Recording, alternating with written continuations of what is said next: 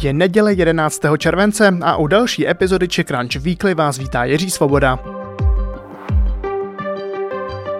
V tomto podcastu mluvíme o tom nejzásadnějším ze světa biznisu, lifestylu a technologií za poslední týden. Více o všech tématech také na webu ccweekly.cz.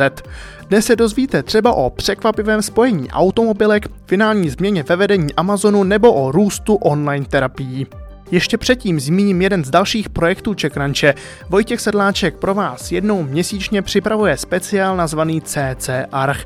Sbírá to nejzajímavější ze světa architektury a v novém vydání se zaměřuje na inovativní čtvrť v náchodě nebo na bazén, který vypadá jako v oblacích. Na Čekranči ho hledejte pod tagem CC Arch.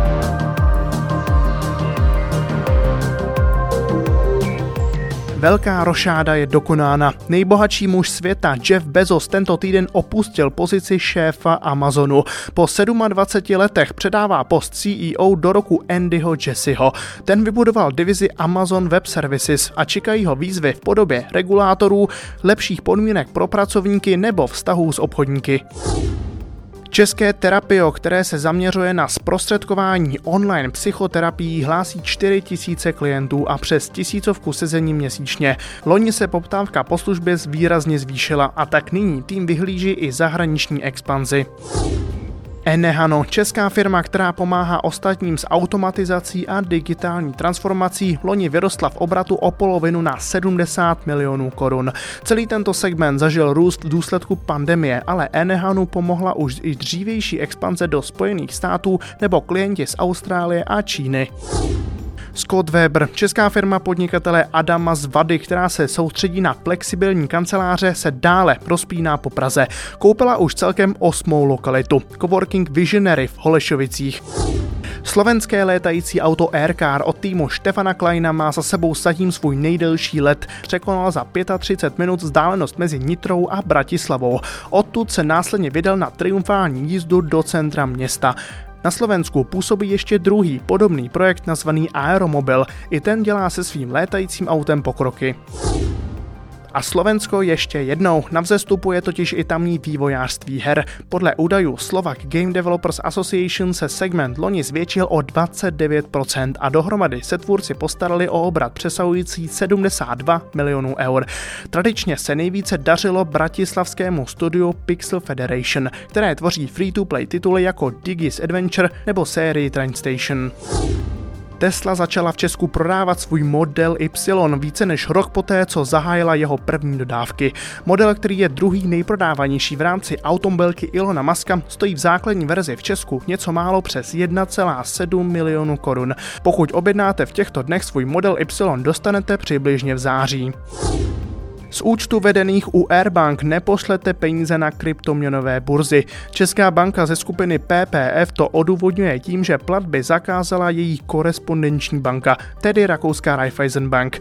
Airbank který nemůže nic dělat. Odborníci na kryptoměny, které oslovila redakce Čekranče, však tvrdí, že krok v širším spektru nedává smysl. Těžba bitcoinu je teď více než o čtvrtinu snadnější a výdělečnější. Stalo se tak díky zásahu čínské vlády proti těžařům nejznámější kryptoměny. Ti tvořili značnou část světového výpočetního výkonu, který je k těžbě potřeba. Po takzvané rekalibraci vznikl obrazně řečeno větší kus koláče pro těžaře v jiných zemích, který teď mohou vytěžit.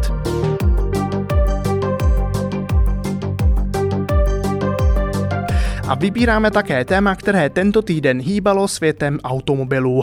Když se řekne Chorvatsko, zejména pak v těchto dnech většině z nás asi nenaskočí na první dobrou automobilky. V Záhřebu ale vzniká čím dál tím zajímavější značka. Jmenuje se Rimac, podle svého tvůrce Matea Rimace. Zrovna světoznámá zatím není, ale nově ve společném podniku z Porsche bude řídit osud ikonické značky Bugatti. Více o této spolupráci se už povíme se šéf-redaktorem Čekranče Ondřejem Holcmanem. Ahoj Ondro. Ahoj Jirko.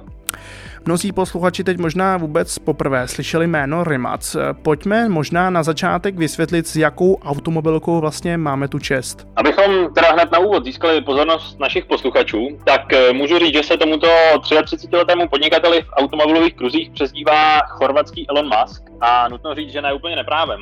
Mate Rimac totiž stojí za automobilkou Rimac Automobily, která vyvíjí a vyrábí čistě elektrická auta. Na rozdíl od Tesly se ale soustředí zatím především na tzv. hypersporty, což jsou opravdu extrémně rychlé vozy, pro které si vyvíjí vlastní baterie a další unikátní technologie.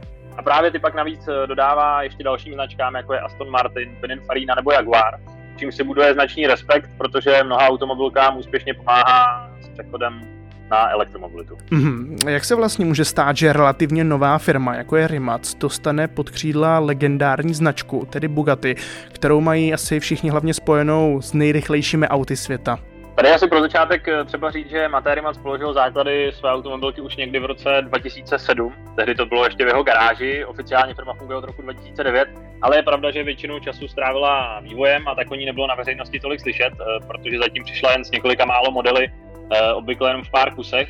Jedno se například rozstřelilo v pořadu Top Gear, pokud se nepletu, a každopádně její potenciál spatřilo například Porsche, které do ní již několikrát vložilo desítky milionů eur a právě to má souvislosti s tím současným dílem kolem Bugatti. E, tam je třeba říct, že Bugatti totiž stejně jako Porsche patří do koncernu Volkswagen a ten musí v rámci své náročné transformace směrem k elektromobilitě rozhodovat, jak se svými jednotlivými značkami naloží.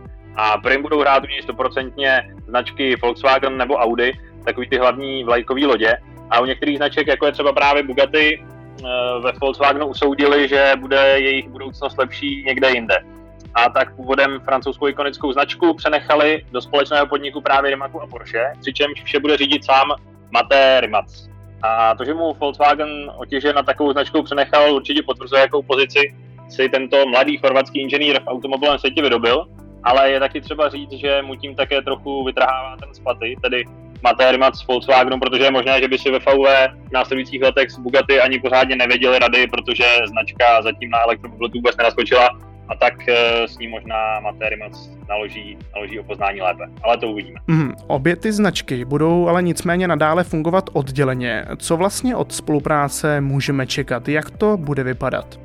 Je to tak, obě značky budou fungovat dál samostatně, takže uvidíme dál vozy Bugatti i vozy Rimac. Eh, znamená to, že se dočkáme již dříve oznámených modelů Bugatti Chiron a Rimac Nevera. Eh, Bugatti Chiron bude zatím klasický osmiválcový hypersport se spalovacím eh, motorem, tak jak jsme doteď ty auta znali, ale jeho nástupce už by měl být pravděpodobně hybridní, to teprve uvidíme. A Maté Rimac již měl potvrdit také to, že v následujících letech bude v rámci té nové spolupráce představen vůbec první plně elektrický model Bugatti. A takže na to se asi můžeme těšit. A obecně je v plánu, že si každá ta značka půjde vlastním směrem, na vše sice bude dohlížet Maté Rimac a jeho inženýři a vývojáři, ale Rimac by se měl dál soustředit především na výkon, takže na ty jako opravdu extrémně rychlé vozy, které možná ani neuvidíme na běžných silnicích, zatímco Bugatti bude dle svých slov spolehat hlavně na řemeslné zpracování i styl.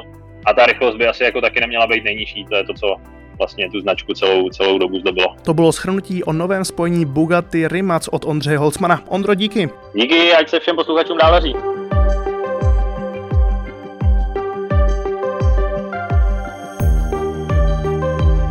Adéla Pavlonová napsala příběh zakladatele obuvnické značky Ahin za Lukáše Klimpery. Ten se z ajťáka stal fyzioterapeutem a říká, že většina lidí chodí špatně. Iva Brejlová popsala český exoskelet od startupu Mapster, pomáhá ochrnutým zpět na vlastní nohy a učí je i znovu chodit.